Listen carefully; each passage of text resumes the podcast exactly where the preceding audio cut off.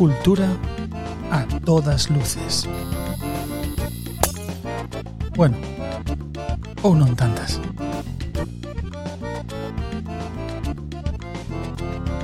Un podcast de Revista Luces. Presentado por Pablo Carrera e Lois Blanco.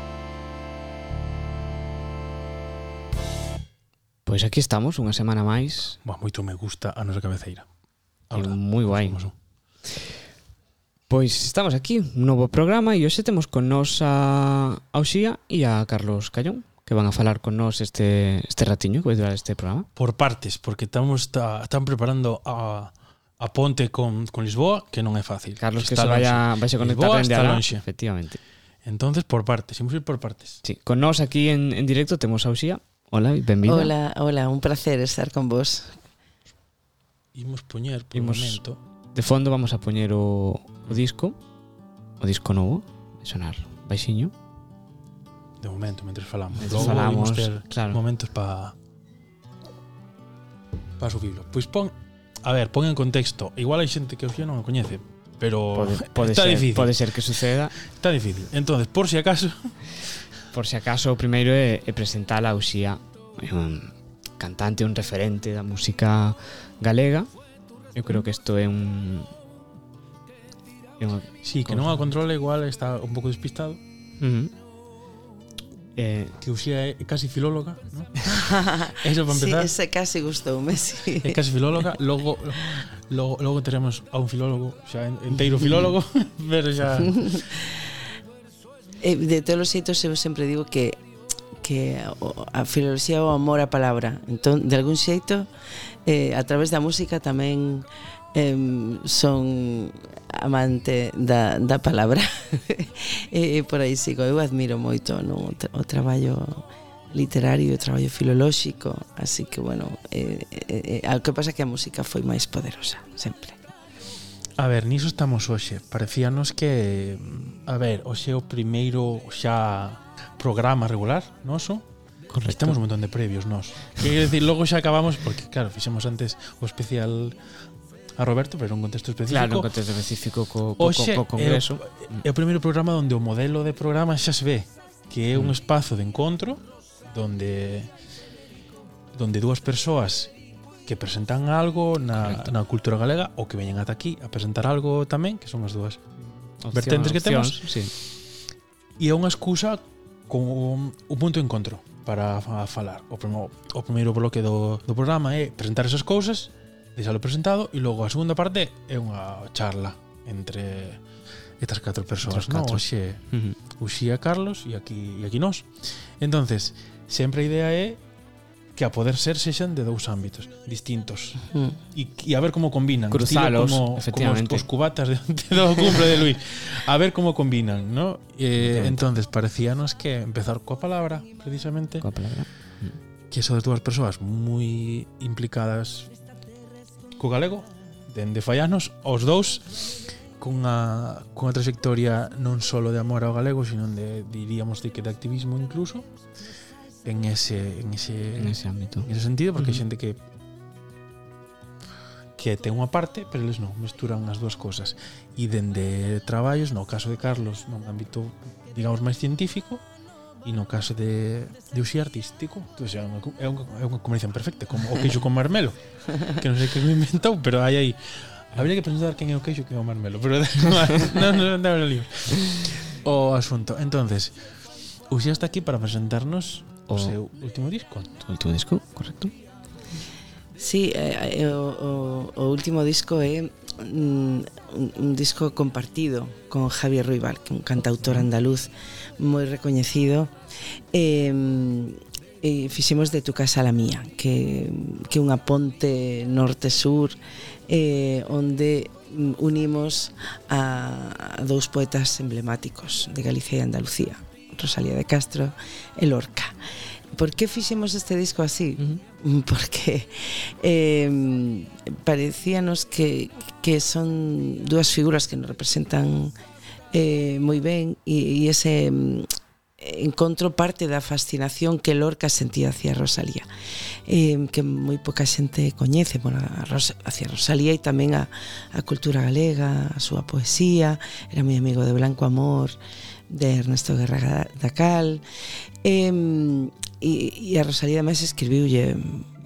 poemas eh, e escribiu os seis poemas de eh, galegos, los, ¿no? os seis poemas, poemas en galego galegos, que son eh, tan coñecidos e, e podemos consideralo de algún xeito un poeta noso, non? A min gustame Adoptado. Sí. moitísimo, moitísimo esta, esta non sei, esta unión, non?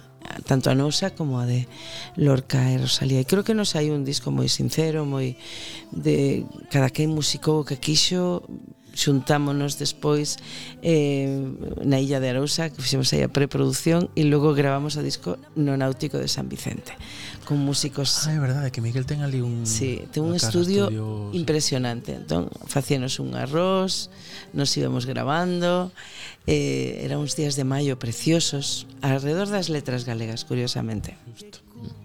Así que foi, bueno, moi, moi placenteiro o proceso. Contamos con Marcos Teira, eh, un músico excelentísimo que tamén fai esa norte esa ponte norte-sur eh, con Sergio Tanos, ese brasilego universal eh, que lle deu así pois, pois a, a súa alegría tamén no? a este disco. Eh, e Javi Ruibal que fillo de, de Javier que un excelente percusionista eh, que tamén se sumou a este proxecto Así que, bueno, percusionista como a vos. Como a mí, máis bueno, ou menos. Como a Lois, máis ben, sí, sí. Eh, e así, e así foi. Mm, eh, bueno, e, e son, bueno, realmente mm, poemas algúns moi coñecidos, outros non tanto. Eh, Javier canta en galego. Eu eh, tamén canto algún poema de, de Rosalía en castelán, por exemplo. Eu creo que un disco mm, feito desde o corazón e creo que se nota. Estou vendo xusto desde aquí, porque me cadra de, en ángulo, que o querido García Montero, querido incluso digo que en casa mamá e eu somos, somos moi de García Montero e da Almudena, por suposto, tamén eh, fixo un como un prólogo do disco, bueno, non, é simplemente un é un texto, é un texto un super, textil. super bonito. Podemos, eh, podemos leerlo, non? Sí, claro creo. Eh, podo, podo ler un anaquiño, sí, un anaquiño, si queredes, claro. Sí, porque sí. a min pareceme... Imos, imos darlle... Logo. A ver... Así. Mm. Un pouco máis baixa a música para... A ver... Eu creo que, que, que bueno, é un pouco longo. entón, vou escoller aquí sí, un, unha parte que che gusta. Unha parte que a mí me gusta especialmente. Eh, di, eh, Riva y Usía nos han enseñado a oír a la vez los latidos de la tierra y las elaboraciones más estilizadas de esa emoción certera que persiguen las buenas canciones. Crear supone un viaje de ida y vuelta compartido con maestros, lectores, destinatarios, seguidores, que empiezan más allá de nosotros mismos y nos lleva de tu casa a la mía y de mi casa a la tuya a través del tiempo y sus leyendas. Los artistas necesitan saber ponerse en el lugar del otro para reconocer cuál es su propio lugar. De ahí la importancia de los lectores para un poeta o de la educación sentimental de la gente para un cantante. El arte nos abre las puertas y las ventanas, nos solidariza, nos invita a entrar y salir de una casa a la otra. Usía y Ruibal, por ejemplo, están en mi casa.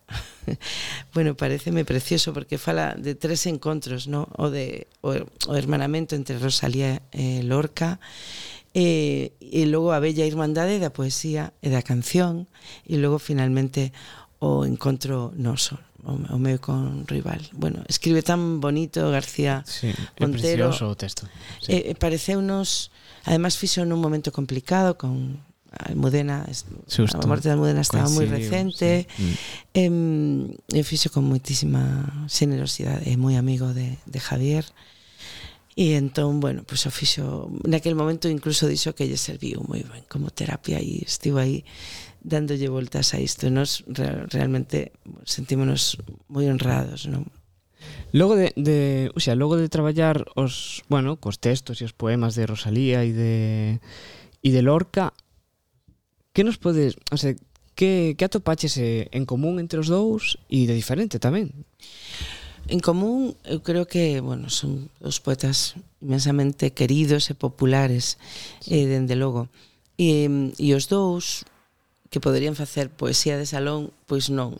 Baixaron a terra eh, e fixeron em, eh, eh, tamén defenderon a través da súa poesía as clases máis humildes eh, eh, e, Mira, aí está Carlos. Hola, Carlos.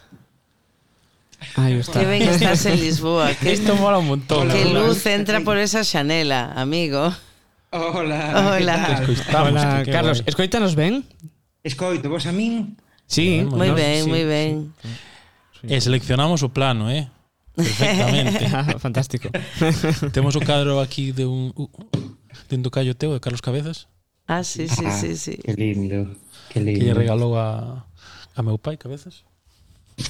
Ese cadro ainda valen os seus cartos. Parece que non, pero os cadros de cabezas, cuidado, teñen a súa historia. Estábamos falando do do, do disco do disco e tamén fixemos a broma de que xusto estábamos falando da da túa ventá a nosa e ti igual, apareces da túa ventá aquí. ah, sí, é que vai unha calor, non sei aí como está desde tempo. Na que está aí. Está un día Bueno, está bonito, está, está un día bonito, sí, así. É un bonito día de outono, sí. Sí, está un día que podría estar peor. Que lindo. Pero no, foi unha luz bastante boa, a verdad. Mm. Que ben, que ben. Falamos de de ventás desta esta mestura, claro, hoxe tócanos este enlace galego, portugués, andaluz, facemos aí de, de sur, Carlos está, está no sur, en Lisboa, tamén facemos enlace aí, un triángulo, digamos, sen pasar, hoxe non pasamos por, por Castela, hoxe facemos un enlace polo sur e, e, e polo... Facemos unha L na, na península. Sí, facemos Como di o goberno, o goberno portugués, Madrid non é o centro, non? claro, evitamos. non collemos aves, é verdad, pero tanta xente querida de alá, mais que non teñen a culpa non dos mandatarios que colocan Madrid así como como se fose, non sei, unha cousa que todos temos que pasar obrigatoriamente por, por alá, entón, pois, non é, non é necesario. Queremos ir alá solamente por motivos de amor. Polo centro, sí, por outros. Ostra, onte que fun a ver o, o programa de, de carne cruda en Bueu e acabou o... o o presentador crudo dixo, ao final do programa dixo, deixade de mandarnos fachas a Madrid. basta, por favor. E dixo, nunca máis, eh, está, pues, basta, que hasta aquí. e de financiálos, ese é o problema. Que sería de feixose todos os madrileños que o formaron, que o fixeron e que o financiaron? Eh, non, efectivamente, eh, entón... aí falaches, aí falaches. Pois, entón, Bueno, creo é que... un boomerang. Hemos, cabreado, eh. En buen Javi, momento... ¿no? Javi, Javi, Crudo, eh. Sí. Eu creo que un momento para pa presentar a Carlos, xa que estamos mm. escoitando e acaba de, de conectarse, para un pouco ubicalo tamén, claro, porque nos fixemos ao principio con Uxía, mentras... Eh. Eu teño que eh. dicir que para min o contexto vai máis atrás, antes de que Pablo fala vale, pues, oficial. Dale. Carlos foi profe meu de alternativa, en cuarto da ESO ah. en Bertamiráns. Eu eso non o, non o sabía. Sí. Ah, vale. sí, sí, sí, e nos poñía ah. películas. Ah, eras un profe de pelis, vale. Sí. Eh. Era alternativa a religión de, de pelis, debates e tamén ping-pong. Tamén ping-pong, Alternativa a religión. Eu toda a miña vida fun sempre nas miñas clases o único alumno que non iba á religión. Estaba eu sempre solo en alternativa. Ah, pasoume eso. Toda a miña vida no instituto, dende primeiro da ESO, a segundo, bueno, en bacharelato xa non había, a cuarto da ESO, cole xa, xa tiña. sempre era eu solo. Que maravilla. Sempre, sempre. No. E os meus profes me enseñaban porque... cousas diversas. Cosas eu e a religión, eu ia a religión un, e, e tamén sendo xa ateo. Notas no libro. Ai, eh, Tamén é verdade que eu no momento tamén me confirmei e tal, tamén me confirmei, vou facer unha confidencia, isto vale. como se fose eh, a rosa terra, porque había un rapaz que ia confirmarse e que eu adoraba ese rapaz. Entón era o meu xeito de poder estar ah, perto mira. dele.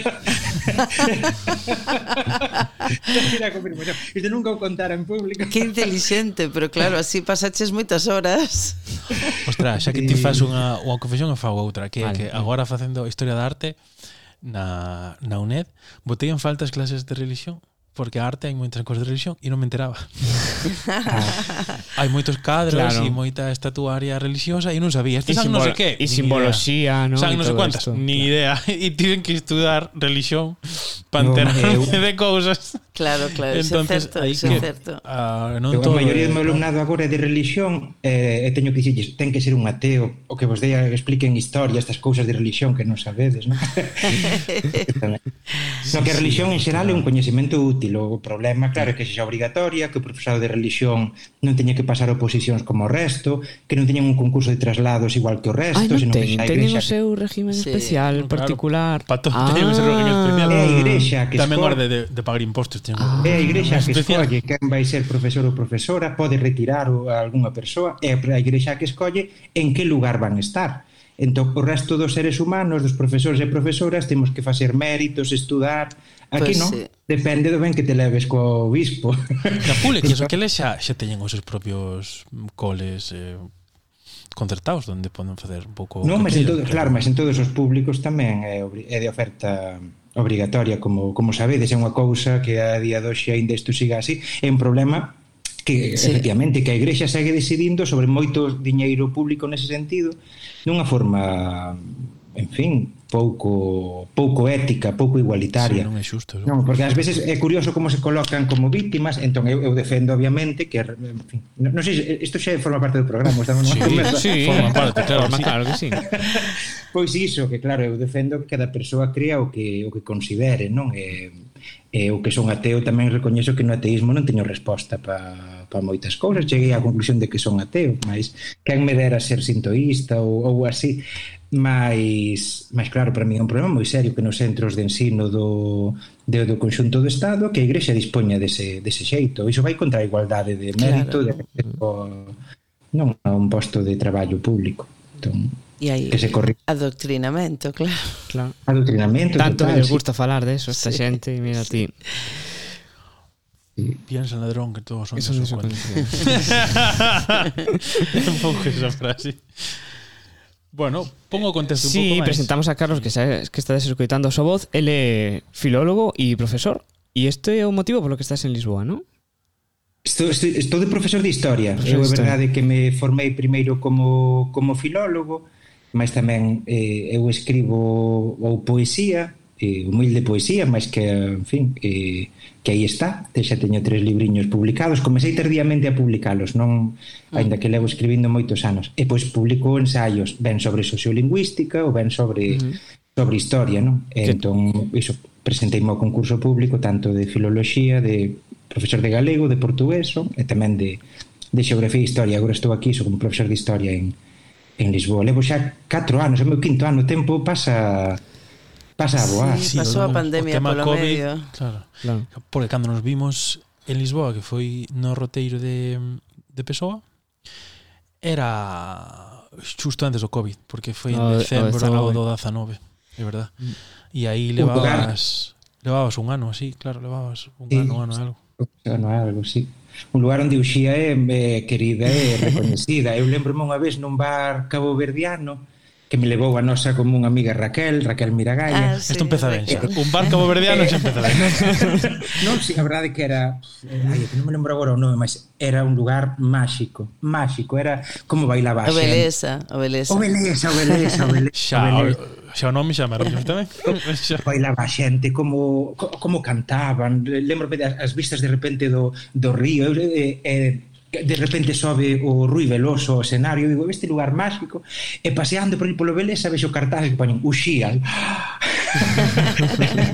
eu, ai, que lindo. Sí. Igual que agora estes días, claro, co Avante, coa participación de Uxía no Avante, a maior festival e de todo de todo Portugal, era moi lindo pasear por Lisboa, vías os cartaxes anunciando Avante e a primeira que aparecía nos cartaxes, Uxía, entre paréntesis Galicia. Galicia, cada... sí.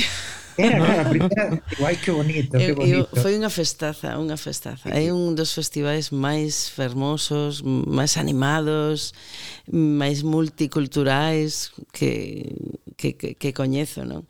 Pero si sí, a miña segunda casa, a ver se si coincidimos máis, eh, Carliños? A ver, sí, Vamos sí, a un cabo verdiano destes. Exacto. que nos, facendo, facendo rastro, tivemos unha confusión con eso, ves? O, sí. o, o que ten, o que ten non, non saber, porque hai un momento no texto que fala falan. Era unha frase. Festa. Era unha frase miña, ademais. Do Avante no ano 84. E nos pensamos, o Avante de Santiago no 84 está ah. pechado. claro. E de repente dixemos, aquí está pasando algo. E aí, aí nos faltaba sí, efectivamente. Información. Pensábamos información incluso que era unha errata que non era do avante, que era no avante. Esta, no. Ah, claro. E eh, esa frase era miña, ademais. E eu, pois, pues, durante un tempo dixeno así, todo convencido e cheo. Festa no Até que en algún momento, non sei que si foi Lois ou, Mateo, non me acordo, dixo, eh, mira que neste ano a Bari foi. Roberto Ah, vale, eh, vale. Espérate, Sí. porque claro, Roberto tamén se levaba a min o mm, Paco Macías tamén nos dixo Claro, Roberto era un romántico, pero andaba sempre eh, rodeado de, de, de, de rojos. el non era tan político, el era máis do, do romanticismo, era máis artista, pero sempre andaba andaba con esta Coincidía, xente. Eh? Coincidía e estar con esta xente. Con esta xente. Pero bueno, estábamos xa fai un rato co Re, disco. Retomando o disco, mm. efectivamente. Igual un momento para retomar o disco e poñemos unha canción así tamén para escoitala con, con Carlos, así os catro. Creo que é unha boa... É un bo momento para isto. Sí, sí, sí. Estamos aquí. Podo regular o volumen neste caso no portátil.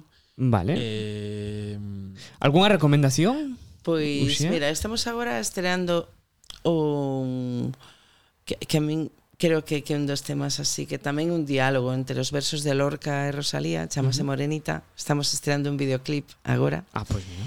Eh, eso, tiñamos de unha que chamaba igual Morenita. Algo ha quedado tuyo en mis entrañas que no morirá jamás, que no morirá jamás. Algo ha quedado tuyo en mis entrañas que no morirá jamás, que no morirá jamás. En el cielo y en la tierra te hallaré y me hallarás, te hallaré y me hallarás. desde el alma mora de mi Andalucía, mojadas en sangre de mi corazón. Te mando a Galicia, dulce Rosalía, Fomos un fundido natural e o deixamos así, ¿no? para que soa un pouco polo fondo. Por abaixo. Está guai. Están as percusións, ese era o, ese era o, Tanus co pandeiro, seguro. Pois non, este é o Javier Ruibal. non, o que, o que soaba antes, digo. Que eu ah, por, por defecto me eh, fixo sempre nas sí. percusións, non vou evitar. Bueno, este é Lorca dedicándolle a Rosalía uns versos fermosísimos que escribiu con 19 anos diante da tumba de Rosalía.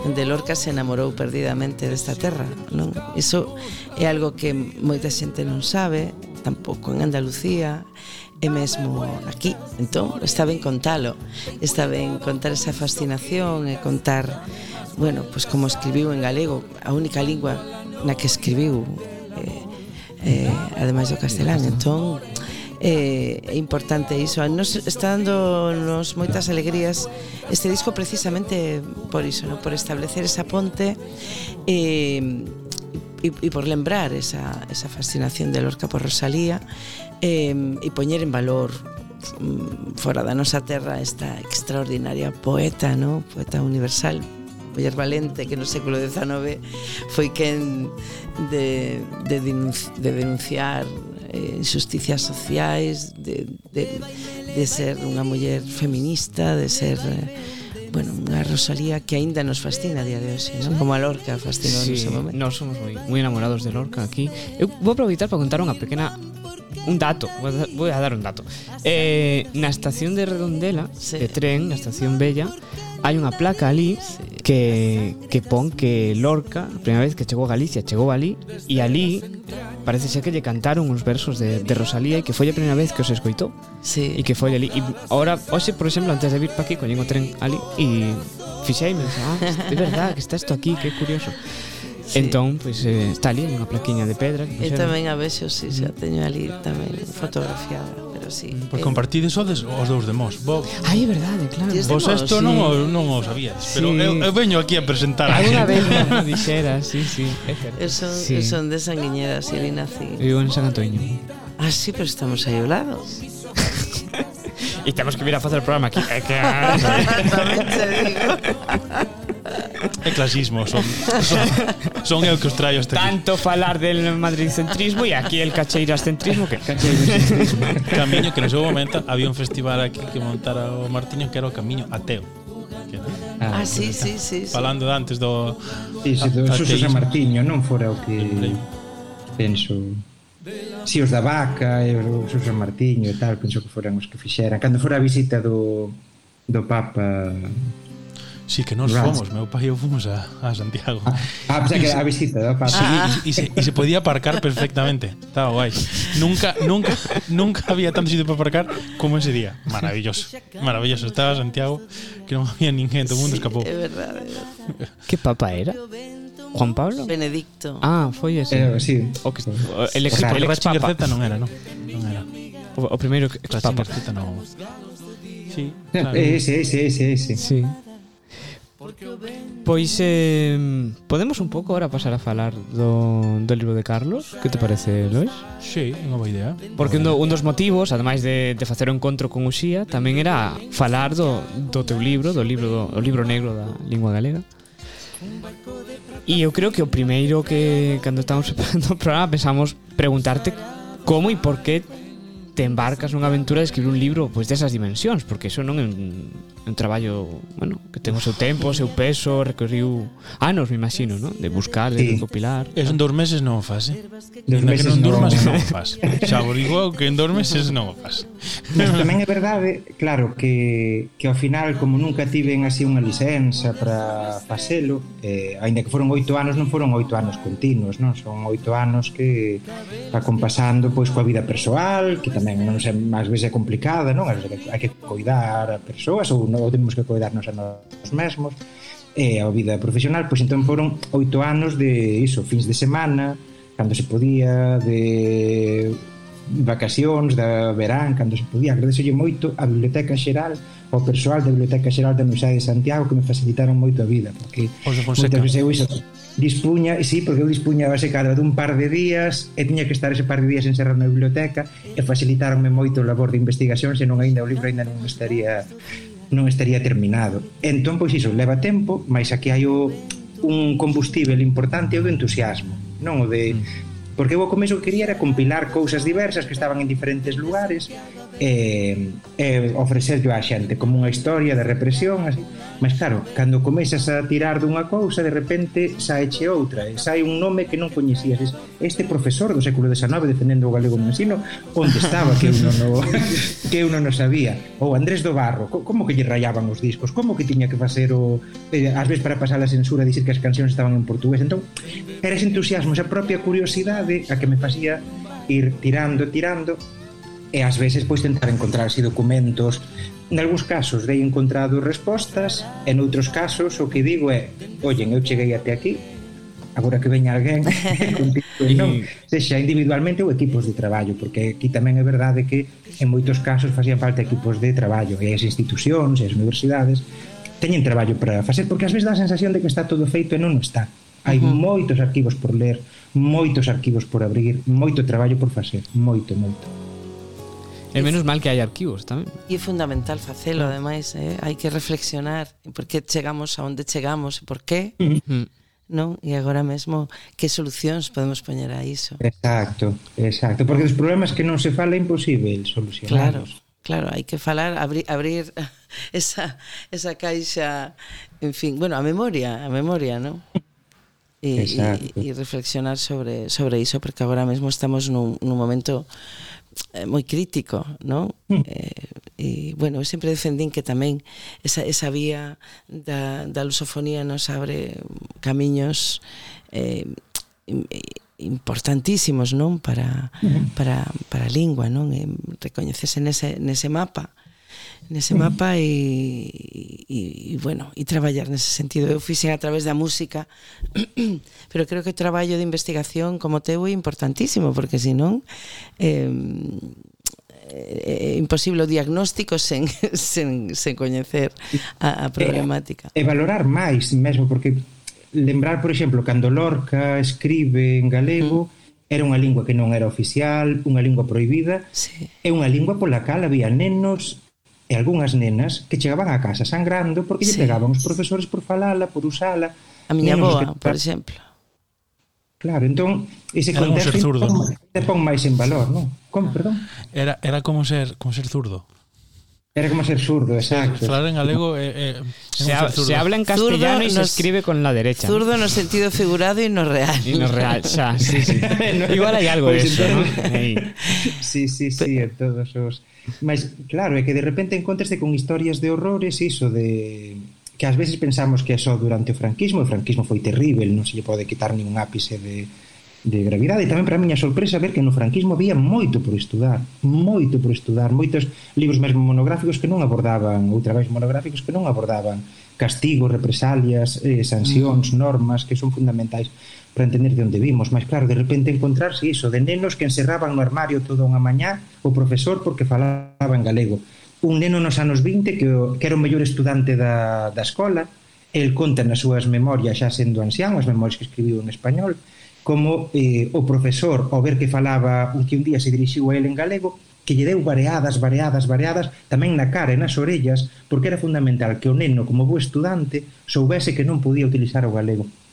Ou hai, por exemplo, algunhas historias que me foron mm. contando a xente nos, nas presentacións dos libros e que son terríveis, que son terríveis. Uh -huh. Por exemplo, eh, a grande poeta Marta da Costa eh, contoume como a súa nai do Berbés que ataron a unha cadeira que chamaban la silla del castellano porque son nos anos 50 unha profesora do Berbés Ui. se falabas galego atábate a cadeira toda a mañá entón esas historias é importante contalas non? e ademais se preguntamos como dicía Uxía se preguntamos a nosas familias quen non o conta en primeira persoa sabe a quen lle aconteceu e o que hmm. é estarrecedor estarrecedor estarrecedor e ver como moita xente cando conta isto conta como non era para tanto. Ah, sí, eu lembro o día que miña nai me contou que lle pegaran coa regra nas mans por falar en galego. E contaba sí. como sen darlle peso. E así en xeral, eh. hai sí. un traballo de Isabela Rivas, unha profesora da Universidade da Coruña, eh, ah, e, libro, sí. e que observou iso, que en xeral todo mundo que fala dos malos tratos por falar en galego, que o contan como quitándolle peso, mas que lle quiten peso non quer dicir que non teña peso real porque se non ten peso real porque deixaron de falar en galego porque pensan que a, o galego non vale porque pensan que os seus fillos claro. e fillas é mellor non usar a lingua dos seus pais claro, é, é unha historia por por compartir entre todas e todos porque a temos nas nosas familias sí, casi parece un mecanismo de, de defensa colectivo mm. o, o tratar estes temas desta forma ¿no? como sí. O, o, ou non falalos directamente, sí. como non se fala da represión eh, non eh, eh, eh, así con normalidade. Entón eu creo que hai que comenzar a normalizar estas cousas a miña boa no, no, xa nos últimos anos de vida só falaba galego aínda que viñeran os familiares de Argentina e dicir, eu xa se quería entender que entendan. Porque claro, levaba toda a vida facendo o esforzo non? aínda que falaba despois un, un correcto castelán e escribía as súas cartas a Argentina en castelán. Pero nos últimos anos de vida estaba como que xa non quería facer ese esforzo non xa fixo toda a vida. Si, sí, miña nai tamén, miña nai tamén xa... Bah, malo será que non entendan, non?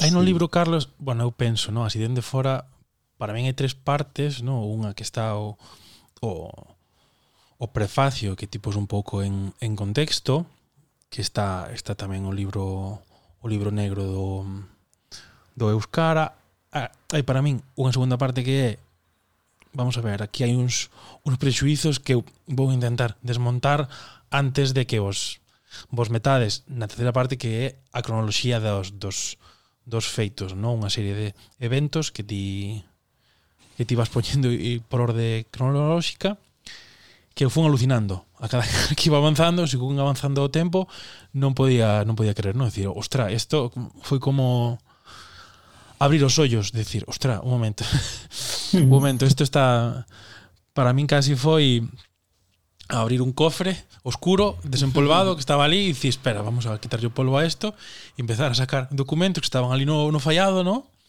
E de repente estaban ali escondidos e empezas a, a sacar, eu creo que, bueno, a grandes rasgos, para que a xente saiba, o libro é, é E isto, e paso a paso, os, os eventos vas como debullando, que é unha palabra mm. moi bonita, debullando cada pouco a pouco como un, un camiño, 1500 tal, 1600, non sei que, as cousas, bueno, que seguro que hai máis, ¿no? pero as cousas que, que atopaches. E penso que pode ser interesante se si nos pos en contexto de cales son eses, eses prexuizos, que igual para nos ou non, para mí non eran tan evidentes cando os link, porque a veces que pensas que sabes cousas e non as sabes. que é bonito de, de ler, ¿no? darte conta de que eres ignorante. Isto é fantástico. Sí, hai, hai varios, non? A verdade é que os prexuizos, claro, sempre se caracterizan por ser autoconfirmantes. Entón, non importa que se que a realidade os negue da forma máis teimuda, non? De, A onde vas co galego? Pois mira, mira onde vai co galego Xía, mira onde van co galego as Tanxugueiras, mira onde vai co galego, onde foi co galego Andrés do Barro, mira onde... Non, e, entón, e non importa porque a xente vai acabar repetindo eses, eses preconceitos unha vez tras outra porque hai un sistema de poder que os, que os consolida, mas hai algúns que penso que son importantes eh, de, de combater. Un, por exemplo, a idea de que só se perseguiron o catalán e o vasco e non o galego. Iso é algo que se repite moitas veces ás veces de forma eh, nos libros de texto moitas veces aparece, non? e eh, perseguiu, perseguiuse o galego, eu sei, na ditadura de, ditadura de Primo de Rivera, perseguiu o catalán e o vasco, ah, e nós a prohibición, ou seja, desaparece a colección céltica. A revista Nos e a Nosa Terra teñen, sobreviven a, a más penas. O xornal Galicia, que era o que máis publicaba en galego, desaparece. A, calquera palabra que houvese en galego que non entendía o censor, prohibíase o texto directamente. Carai, para non ter influencias. O xornal El, o xornal el Correo Gallego, que era daquela de, de Ferrol, eh, titulaba en primeira, en primeira páxina eh, non se hablará máis lengua que la oficial que por fortuna non chegaba con publicalo. Proíben uh, eh, que se poido, quero dicir e dis, carai, para, non, para nós non afectarnos esa é unha cousa, e así podemos dicir en máis etapas históricas. Outro prexuízo relevante pensar que non se pide que é como non é que aquí non se usa o galego porque a xente non o pide eh, a verdade, hai moita máis demanda de galego que oferta de galego, en primeiro lugar, uh -huh. e depois imos vendo ao longo da historia ao longo da historia que sí que hai esa demanda continua. Outra cousa é que somos seres humanos e que a resistencia á frustración é a que é, é que hai mecanismos de defensa non? De que claro. a xente non quere estar dando sempre todo o tempo coa cabeza contra, contra o muro até, até quedarse en cabeza. Mais hoxe, por exemplo, é o aniversario de que nas Cortes Constituintes Daniel Castelao, das Cortes Constituintes da Segunda República, Daniel Castelao, nunha intervención memorável, memorável no que vemos por escrito, é unha pena que non estea gravada, porque estaríamos aquí todas e todos sí, emocionados sí. coas súas palabras, coa súa oratoria, pedía, estaría, claro. presentaba unha emenda contra a discriminación lingüística. Votaronlle en contra Castelao contanos sempre en Galiza das campañas que houve para sí. que houvese ensino galego durante a Segunda República e que non nos facilitaron como se facilitou noutros, noutros territorios e non foi por falta de demanda ah, ou indo a temas máis recentes o ensino en galego. Se hai agora un decreto contra o galego no ensino é porque efectivamente houve resultados electorais nos cales, nos cales o PP actúa como unha apisonadora e ten un poder mediático que lle permite facer determinadas cousas que se houvese un mínimo escrutinio desas actuacións eh, políticas pois que terían outra resposta social. Mas pensemos, o decreto contra o galego no ensino aprobouse a pesar de que estaba en contra todas as organizacións estudantís, sí. todos os movimentos de renovación pedagóxica, todas as asociacións, asociacións de nais e pais excepto unha vinculada ao PP, unha, mas todo o resto estaban sí. todos os sindicatos, todos estaban en contra. Entón, eh, estamos falando do Consello Escolar de Galicia, estamos falando dunha oposición e dunha demanda outra cousa que claro, efectivamente o Partido Popular ten unha situación eh, unha maquinaria eh, mediática que lle permite tomar medidas que con mínimo contraste non por exemplo, lembremos cando ordenaron os institutos que deixasen de utilizar todos os libros que había de matemáticas comprados para todo o alumnado porque estaban en galego. Estamos falando de moito diñeiro público que houve que destruir eh, se iso chega a facer algo parecido calquera outro partido político eh, non eh, Ui. Sí, meu sí. Deus, destruir libros non no século XXI, mas claro, aquí era porque estaban en, en galego entón, que esa demanda existe existe a día a día doxe mas como que temos que facer 20 para que nos conte unha, unha. Pues claro bueno, aí estamos, eh? somos estamos na resistencia permanente, pero é certo que ás veces ás veces cansa e hai que mm, hai que darlle a volta, non? A, e, e, e tentar, bueno, que o goberno, outros camiños, out, outros camiños e outros gobernos. Pois é. Eu penso sí, que é un, é un bo momento para para lanzar o anuncio de, de luces que a máis o, o preparei. Moi ben. Vale e debatimos, porque quedou aí, no, quedou aí un pouso, vale, vino aí en este en este silencio que incluso teño vale. o anuncio preparado, e que este, este espectacular. Eu non sei se escoitarei. Eu creo que si, sí, mira. Ah. A ver. Ben, boas, eh, como Pony Pre ou Pony Express atravesando tormentas que nos amenazan e o que faga falta estamos aquí outra vez a actualidade está sobrevalorada ese podcast no que actúan e brillan Ana Luisa Bouza, hola Ana Hola, que tal? Antolosada Boas, casi me gusta máis o de Pony Press que o de Pony Express Si, sí, temos máis que ver coa información que con correos. Pues, sí. Aparte, de, de pequeno sempre quixen ter un pony. Eh, joder, todo o mundo. Como cada mércores en luces.gal, a actualidade está sobrevalorada.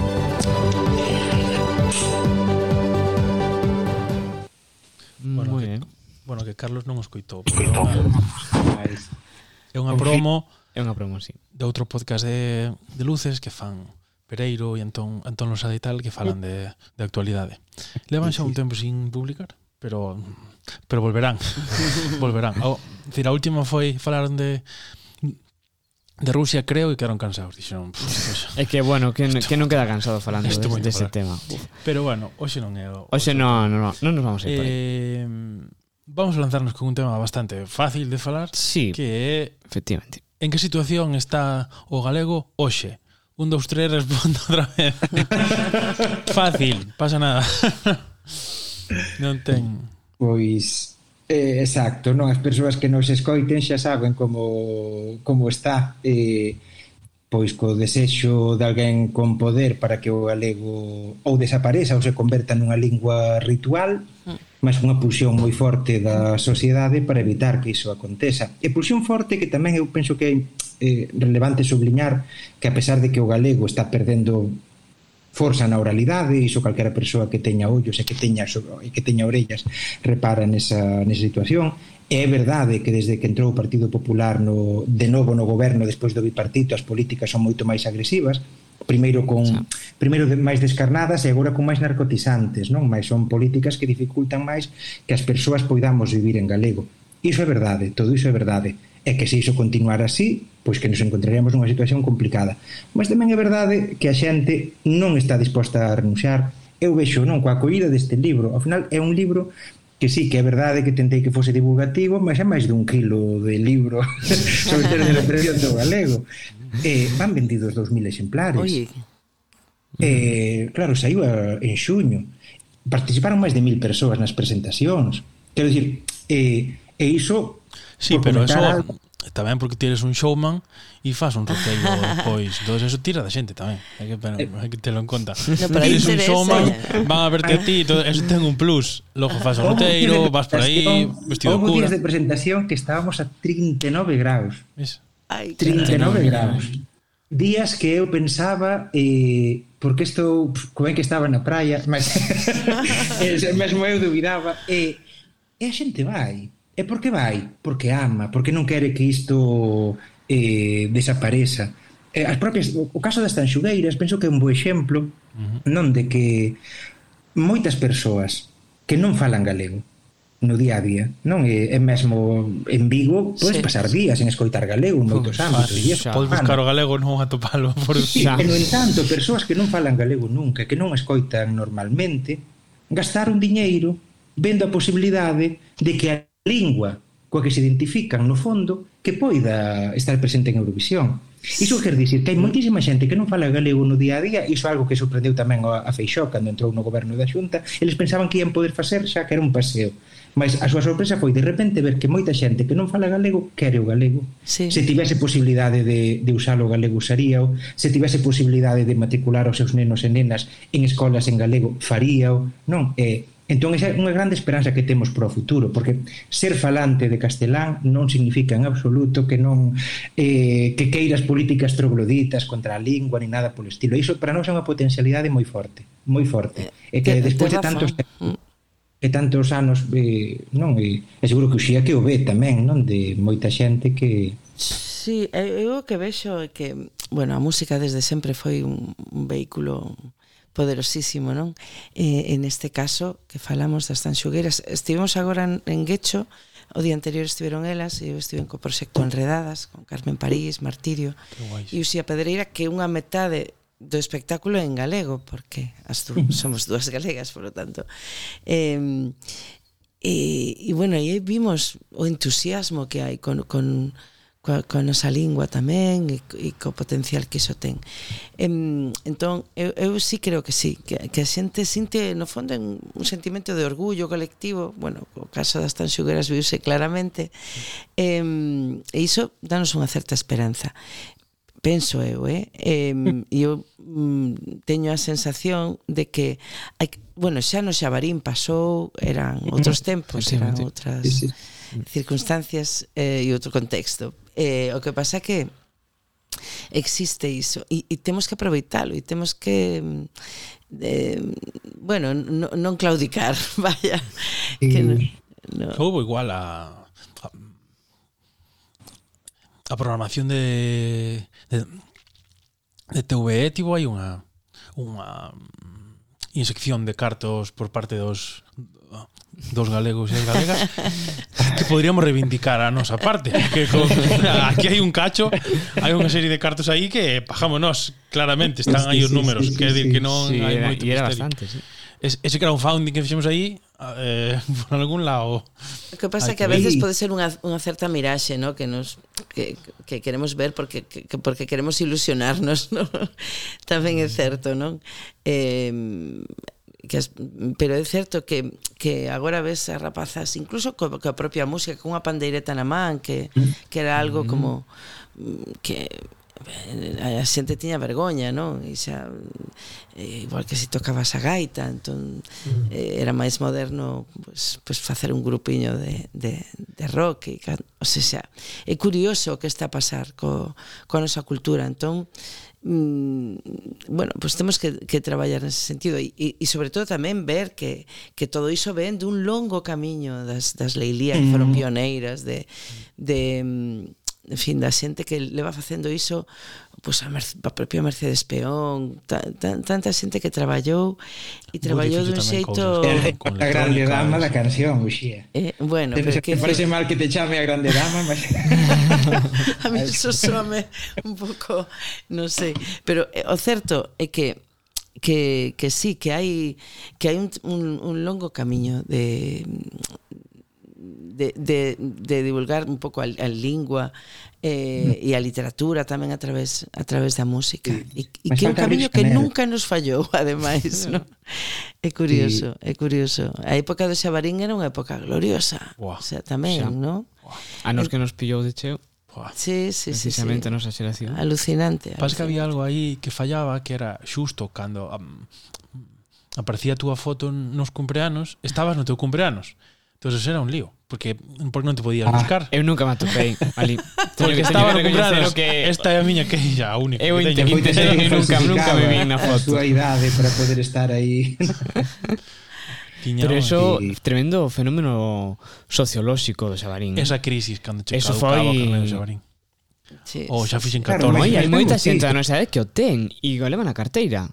Eh, isto é un rollo, sí, sí. mira, mi carnet de identidade de verdade é este. Tengo un pouco este rollo. ¿eh? É a xeración y... xabarín. Sí, sí, sí. sí. Tal cual, efectivamente. Claro, mas o que falta é iso, cando, cando se nos abren xanelas de visibilidade, de audibilidade, pois entón aí sí que podemos chegar a xente. É moi interesante, ademais, non sei, alguén comentaste sei, se foi o Xía, se foi Lois, eh, de que no, eh, penso que foi o Xía cando falaba de Guecho e tal, efectivamente, sí, pois ver como tamén noutros lugares do Estado, é verdade que en Guecho tamén son sensibles á diversidade sí, lingüística, claro. mas noutros mm. lugares acollen as atanxugueiras perfectamente, a pesar de que en xeral o que se escoita desde os medios de comunicación do Estado sobre a diversidade lingüística non é positivo. Non. É que nunca houve unha campaña por parte do goberno español, de ningún goberno español, a favor da diversidade lingüística non de que ven que temos mm. varias, algo polo estilo. Aínda que fose así unha campaña moi suave, o propio Consello de Europa lembra, non de que o Estado español ten que traballar a tolerancia na, na diversidade eh, lingüística hai un problema de intolerancia, e no entanto as tanxugueiras enchen, enchen. Entón é como cando hai unha xanela de oportunidade, o problema é que mesmo aquí non temos moitas veces. Sí. Esa xanela, eu lembrome, claro, cando era profesor en Caldas, de traballar, eu traballaba bastante con, con cancións, eh, Entón, unha vez que dispuxen unha do Monoulius Dop, e sen o teu riso non me vou, non? Mm. E unha alumna díxome, é a primeira vez que vexo un vídeo musical en galego con xente guapa e nova. que o galego parfeo, feo, sabe todo o mundo. En realidad, eh, que me perdón os monólogos non era por eles. son moi fan tamén. Eh, son moi simpáticos. Pais, eu, pais, eu coñezo, sí, sí. son, son moi majos. Mas claro, non era o meu papel como profesor de galego, o meu papel era traballar, pois reparar estas construcións, reparar estas palabras, reparar, non era que ter que coñez, que ter que coñeza, que, que consigan coñecer a música galega a través de mí, mas claro, é que Radio Galega Música canta música en galego emite moi pouquiña. Eso teño e xa a televisión española. Pouquiña, sí. sí. Que se fai para conseguir sair en televisión española unha cantante un eh, galega? Que se fai para conseguir eh, ir polos polo instituto co Instituto Cervantes, porque xa sei que de vez en cando hai algo, ah, sí. mas son as migalliñas comparado co resto, e se nos pagamos impostos, pois existimos e pois temos talento. Con este disco estamos indo bastante a Andalucía, estivemos en Soria, estivemos tamén en Irún, eh, e agora iremos a Madrid, pero concretamente... Era para Irún, mas fostes todos, non? Eh? Era para Irún, mas fostes no. todos. Agora pillei. Fomos todos. O equipo inteiro. o equipo inteiro e, e nada, e aí comprobamos tamén que, que, que a xente o toma con total naturalidade e, eh, e, e mesmo agradece, non? Eh, ás veces facemos como un, unha, unha traducción máis ou menos, non? Pues, sobre todo os poemas de Lorca en Andalucía para que mm, eh, o entendan mellor e logo agradecen tamén, porque logo escoitan a mm. sonoridade eh, fermosísima do, do noso idioma e quedan fascinados, entón mm. mm, hai que facelo e, e bueno, e por suposto eu sempre digo que a, min non me pechou portas a min abriume moitas portas eh, parece contradictorio, non? porque Porque é así, seguramente, que decir, canta máis identidade teñas, a xente máis aprecia eh, máis aprecia iso, non? Eh, e, e logo, ás veces nos poñemos nos mesmos fronteiras e barreiras, non? Temos que que, que sair. Unha vez en Texas, un home así cun chapeu, o típico casi o vaqueiro, ¿no? Gorro ranger, ¿no? Cowboy. Sí, Estaba sí. con, con Franco Nerf facendo as baladas da Galicia imaginaria ali E cando rematou o concerto veo ali eu, eu cantei o Alalá das Mariñas cunha versión moi tola, así con guitarra mm. eléctrica de Fran e díxome el eu isto en inglés, no meu enterro quero que soe isto. E digo, ai, pero eh, que parece tan longe, tipo, non entendeu nada do que dicíamos ali porque nese caso non fixemos unha traducción, entón eu contelle que era unha despedida, ese alalá é unha despedida da terra. E e hai un quero dicir que el, percibiu uno. el percibiu uno, claro. non sei como. É alucinante, non? Ás veces eh, onde onde pode chegar se si simplemente pois pues eso, a a música, non? Cantada noutro idioma que non coñecen, pero que conecta igualmente, non? Bueno, bueno, nos pásanos co inglés moitas veces, non? Que sino, eu non teño un nivel de inglés aí increíble e moitas veces as cancións, se non as leo, non as entendo a primeiras. sí. Pero as no, pero, jova, hai algunha música, e tío sabrás ben, que que está que é outro código, que non ten que ver exactamente no, no co, ver coa, coa, coa palabra, sino co como se dice, como está, ¿no? Ten algo máis esto. Autenticidade, penso que sí, sí, sí. porque é como Salvador Sobral, de quen son moi fan, sí. non? Que como tentou ser recoñecido en inglés, non tivo no. e de repente volta ao portugués grazas a súa irmá o maior éxito da Eurovisión, como sabemos, sí, sí. o mm. Mar pelos dois ou Álvaro mm. Soler, un ton moi diferente de musical, non coñecedes, o eh, comezou en inglés e xeñe, uh -huh. canta español, home. E como ten como tivo éxito. Ou no caso de Ribeira, os heredeiros da Cruz. Sí, sí, sí, sí. Non, que unha parte deles tentaron éxito en español, Jabón Blue, acabaron voltando ao galego. Non, de que ás veces o, o auténtico tamén, que tamén é interesante observar esas experiencias, non, de Sí, sí. De, Estaba, estaba aquí buscándolo esa a canción que estaba falando, xa? No, é que se me, se me ocorreu que cando pechemos, non temos ah, para agora, pechar. Vale, pois pues, a, ah, vale, pues, poñémola de peche. lista fantástico, eso, vale. Me, me parecía ideal, pasa que eu, eu, eu levaba un secreto, xa me fastidiaches, non pasa nada. ah, perdón, pasou. Bueno, ya está. Xa me, xa me fixiches o, o spoiler. Bueno, non pasa nada, pero poñemos un pitido. Carlos non o sabía. ah, ah Uxía claro. sí que estaba bueno. atenta, pero Carlos non o sabía. Ya. Eu son moi fan de Uxía desde adolescente. Desde adolescente. Non sei se Uxía sabe parte do meu primeiro grande amor. Non sei, pero estou contando aquí tanto. Foi Uxía. Era, ah, aquí temos... Aquí temos... Era, era tan fan de Uxía que a... Um, que a nai dicíalle ai, sempre é a túa moza, Uxía, que sempre estás con ela entón, Mira que entón, bonito Foi banda sonora de anos fundamentais da miña vida. Segue ai, sendo, máis Ai, que ben, fin. que ben. Que bonita historia me contas, mira, e ás veces eh, esas son as, as, as historias que nos fan seguir nisto. Eu lembro unha vez unha muller que estaba mm, Eh, e, foi en Portugal isto, eh?